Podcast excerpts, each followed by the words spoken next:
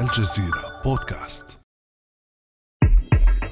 مع بداية الألفية الثالثة انفجرت فقاعة الإنترنت في الولايات المتحدة. بعدما أقبل أصحاب الأموال وبكثافة على الاستثمار في هذا القطاع. لكن في لحظة ساد فيها الخوف من الخسارة سحب الجميع أموالهم. والنتيجة؟ انهيار الأسهم وخسارة ما لا يقل عن خمسة تريليونات من الدولارات.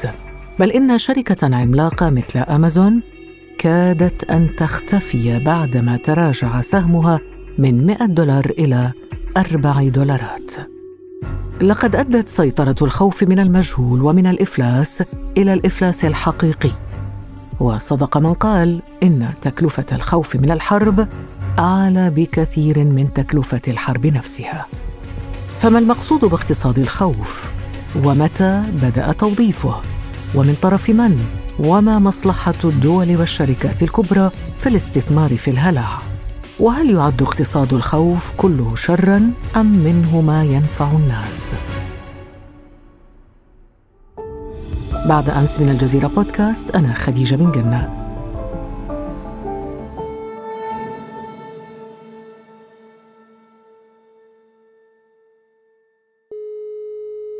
ويسعدني أن أرحب في هذه الحلقة من ستراسبورغ بالباحث الاقتصادي يونس كريم.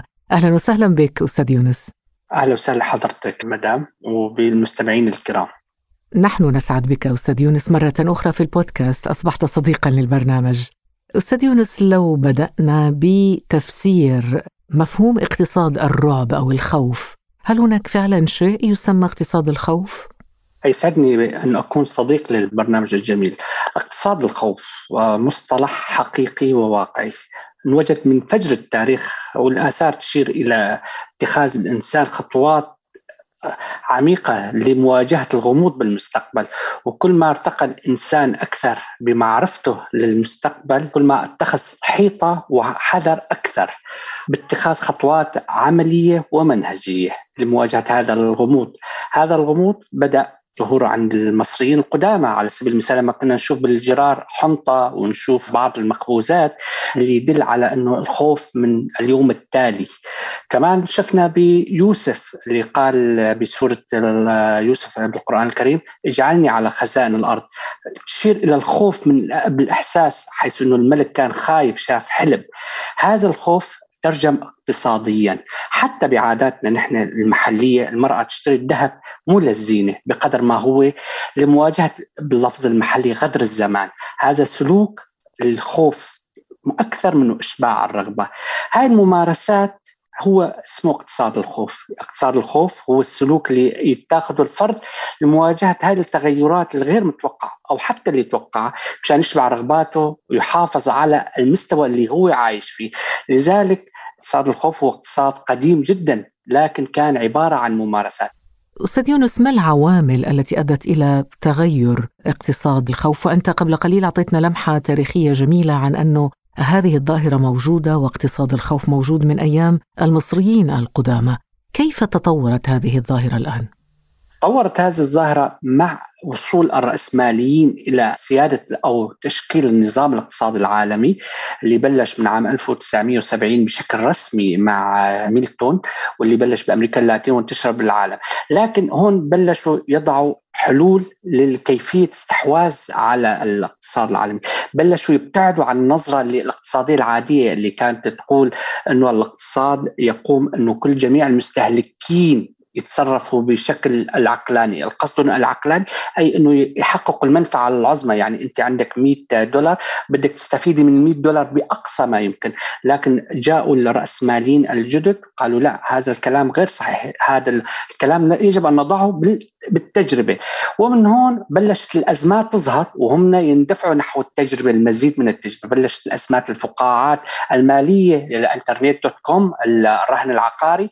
هون كان النظام الاقتصادي النيو رأسمالي سكر نهائي بلشوا يضعوا إنه الإنسان عواطفه تلعب دور كبير باتخاذ قرار حتى لو ما كانت جزء أساسي من اتخاذ القرار، حتى لو ما حققت له المنفعة، وهذا هو الواقع للأسف، وهي العلاقة ما بين المستثمر والمستهلك هم اهتموا بهذا الجزء، لكن اضافوا له خلطة ثانية وهو الاهتمام بعلم السلوك وعلم النفس وعلم الأعصاب بحيث طلعوا توليفة جديدة، توليفة يستطيعوا توجيه فيها الإنسان إلى المكان اللي يريده، اقتصاد الخوف هو اقتصاد اللي مزج ما بين علم النفس ما بين الاقتصاد ما بين علم الأعصاب وخلطهم بخلطة عجيبة بحيث بدأ يتحكم فينا. طب الخلطة هذه تؤدي إلى ماذا؟ إلى اقتصاد وهمي مثلا؟ إلى اقتصاد الشركات، الآن أنا ذكرت قبل قليل إنه الاقتصاد الرأسمالي الجديد وصل لمرحلة بدأ الفقاعة أو بدأت الأزمات تصيبه. وظهور الشركات الكبيرة. الآن نحن نتكلم عن خمس شركات على سبيل المثال. خمس شركات بالفضاء هي تتحكم بكل العالم. يوجد لدينا خمس شركات مثلا مثل كوكا أو بيبسي أو آه، شركات ماكدونالد أو هدول بيتحكموا ب 70% أو نسلة على سبيل المثال يتحكموا ب 70% من لكن ما علاقتها باقتصاد الخوف هذه الشركات؟ هؤلاء يستخدموا أسلوب اقتصاد الخوف بتسويق منتجاتهم، هؤلاء يستخدموه ببساطة. الآن هم يعتمدون على عدة نقاط بتوظيف هذا الأمر. كيف؟ الشركات الكبيرة بلشت تستخدم علم اقتصاد الخوف بتسويق والمزيد من تحقيق الأرباح والسيطرة على الاقتصادات بحيث صارت هي هاي الشركات أكبر من الدول وأهم من الدول، هذا الأمر يوجد له محددات بالعمل. على سبيل المثال اولا الخوف من المستقبل أو الخوف من الموت، فانشأوا لنا التأمين على سبيل المثال هذه واحدة من الأشياء. التأمين أن تدفعي رسوم كثيرة لأموال. تخافي أنه أنت تفقدي جزء بسيط من ثروتك. عفوا تخافي تفقدي ثروتك ولكن نسبة حصول هذا الأمر شيء بسيط. يعني الآن أن يحدث حريق بمعمل أو بمنزلك. كم نسبة هذه مع هذه أجهزة الأمان الكثيرة؟ متى يحدث؟ لا يوجد لكن أنت تدفعي رسوم خلال العمر الافتراضي الذي دفعت تجدين أنك دفعت أكثر من ثمن الشقة. على سبيل المثال تأمين السيارات. أيضا ذات الأمر على المبيعات تأمين على المبيعات تشتري تلفاز وهو معه كفالة من الشركة مده سنتين تدفع المزيد ثلاث سنوات رغم إنه التلفاز نفسه بعد عام يحتاج إلى التغيير بسبب التطور التكنولوجي. اذا هناك استثمار في الخوف، هل ساهمت برأيك أستاذ يونس هل ساهمت جائحة كورونا في تعزيز هذا الخوف أو الاستثمار في اقتصاد الرعب والخوف؟ من من لم يخف من كورونا؟ كورونا جعل الناس تخاف صرت تخافي أن تفقد الكمامات فذهبت إلى الكمامات. أخافت تخافي أن تفقد حسب ما يتم إظهاره على السوشيال ميديا. يقول لك الآن غدا قد يفقد الفيتامين الفيتامينات والخضروات فتذهبي وتخزن الخضروات. بعد يومين يقول لك لا في الدواء الفلاني هو جيد. فتذهبي إلى الدواء الفلاني. يقول لك الأعمال المعينة هي الجيدة تستثمر وتضعي أموالك. لأنه حتى الخروج من المنزل لا تستطيع فتستثمري عن طريق الإنترنت.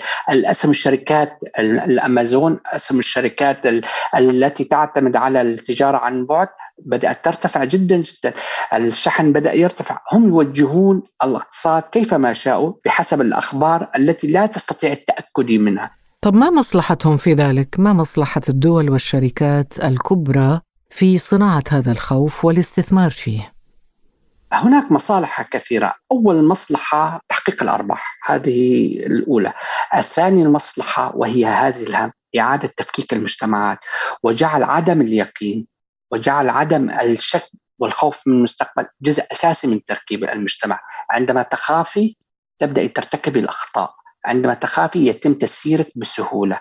طالما أنت خائفة أنت غير مستقرة. طالما غير مستقرة يمكن التلاعب بك بسهولة. يمكن توجيهك إلى حيث هم يشاءون. إعادة توزيع إمكانيات الدول. الآن نتكلم عن اقتصاد الشركات الكبيرة. اقتصاد الشركات الكبيرة يعتمد على اقتصاد الخوف. من يعمل مع شركة جوجل على سبيل المثال يشعر بالامان، هذه الشركة الكبيرة تؤمن له. أحدث الأنظمة الصحية وأحدث البيئة الآمنة. وأحدث الرواتب وأكبر الرواتب وأكثر استقرارا، بيئه عمل جيده وبالتالي أنت تصبح ولاء لهذه الشركة على حساب دولتك، الآن الدول بالشكل الذي نحن نعلمه بدأت تختفي لتظهر الشركات.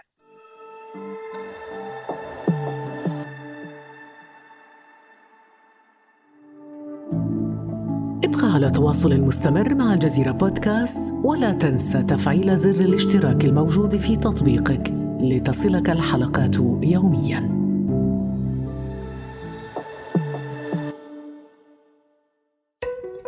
يعني هذا الكلام يعزز ربما ثقافة نظرية المؤامرة بأنه الحروب ليست إلا صناعة بشرية لإمبراطوريات السلاح لتستفيد منه أو منها من هذه الحروب صناعة الفيروسات أيضا والجوائح والأزمات الصحية أيضا صناعة بشرية ألا يعزز هذا في النهاية القول بأن اقتصاد الخوف يتقاطع أو يتزاوج مع ثقافة المؤامرة؟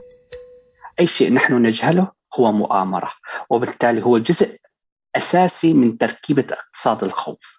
أنه تشعري عندما لا تجدي تفسير لماذا يحدث تسميه مؤامرة. نحن نسميه مؤامرة لعدم اكتمال المعرفة عندنا. اقتصاد الخوف يعتمد على الخوف وهذا الشيء ذكره الرئيس الأمريكي فرانكلين روزفلت لما قال بأول خطاب له عام 1933 الشيء الوحيد الذي يجب أن نخشاه هو الخوف نفسه لأنه هو الذي يكون النظام الرأسمالي والنظام ال neo رأسمالي والآن نحن ندخل بمرحلة النظام الشركات.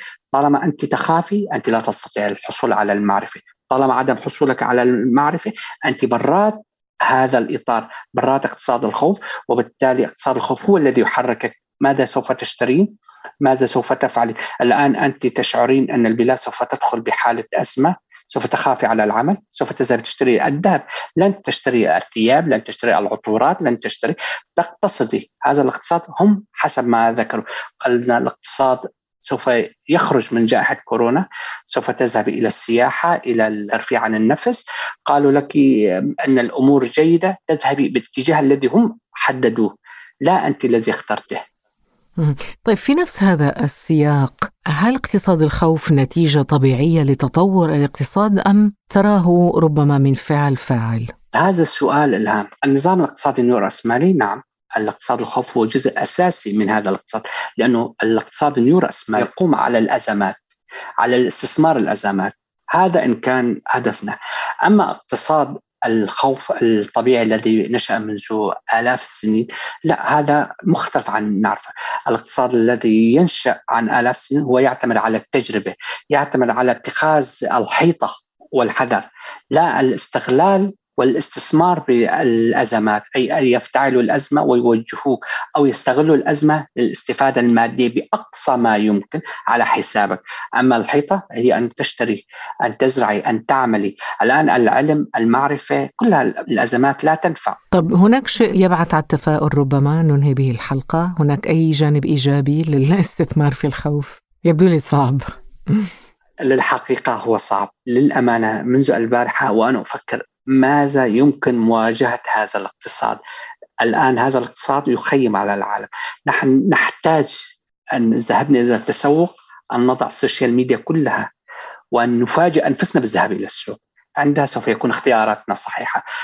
المفاجأة الشيء الآخر هو فعلا اللجوء إلى دعم المشاريع الصغيرة والمتوسطة وليست المشاريع الكبيرة التي تستخدم التكنولوجيا. حتى وإن ظهرت المشاريع الكبيرة هي رخيصة هي الحقيقة هي أغلى هي تجعلك تشتري أشياء لا تحتاجها. وبالتالي الكلفة أعلى الموازنة أعلى على حسابك الحساب الشخص الفرد. أما المشاريع الصغيرة تستطيع الشراء فقط احتياجاتك. وبالتالي أنت رابح لأنها لن تضطر إلى الدفع المزيد بالسلع لا تحتاجها. إذا الذهاب إلى المشاريع الصغيرة والمتوسطة دعم بعضنا هذا الوحيد الذي يمكن إيقاف هذا الانهيار. المشكلة أن دولنا أصبحت جزء أو حارس لهذه الشركات العملاقة. جائحة كورونا تم دعم الاقتصاد لصالح الشركات والبنوك الكبيرة. لم يتم دعم المواطنين. لذلك المواطنين يجب أن يدعموا أنفسهم بدعم مشاريعهم الصغيرة والمتوسطة. الأستاذ يونس الكريم الباحث الاقتصادي من ستراسبورغ شكرا جزيلا لك. شكرا لكم وشكرا على الاستضافة. كان هذا بعد أمس.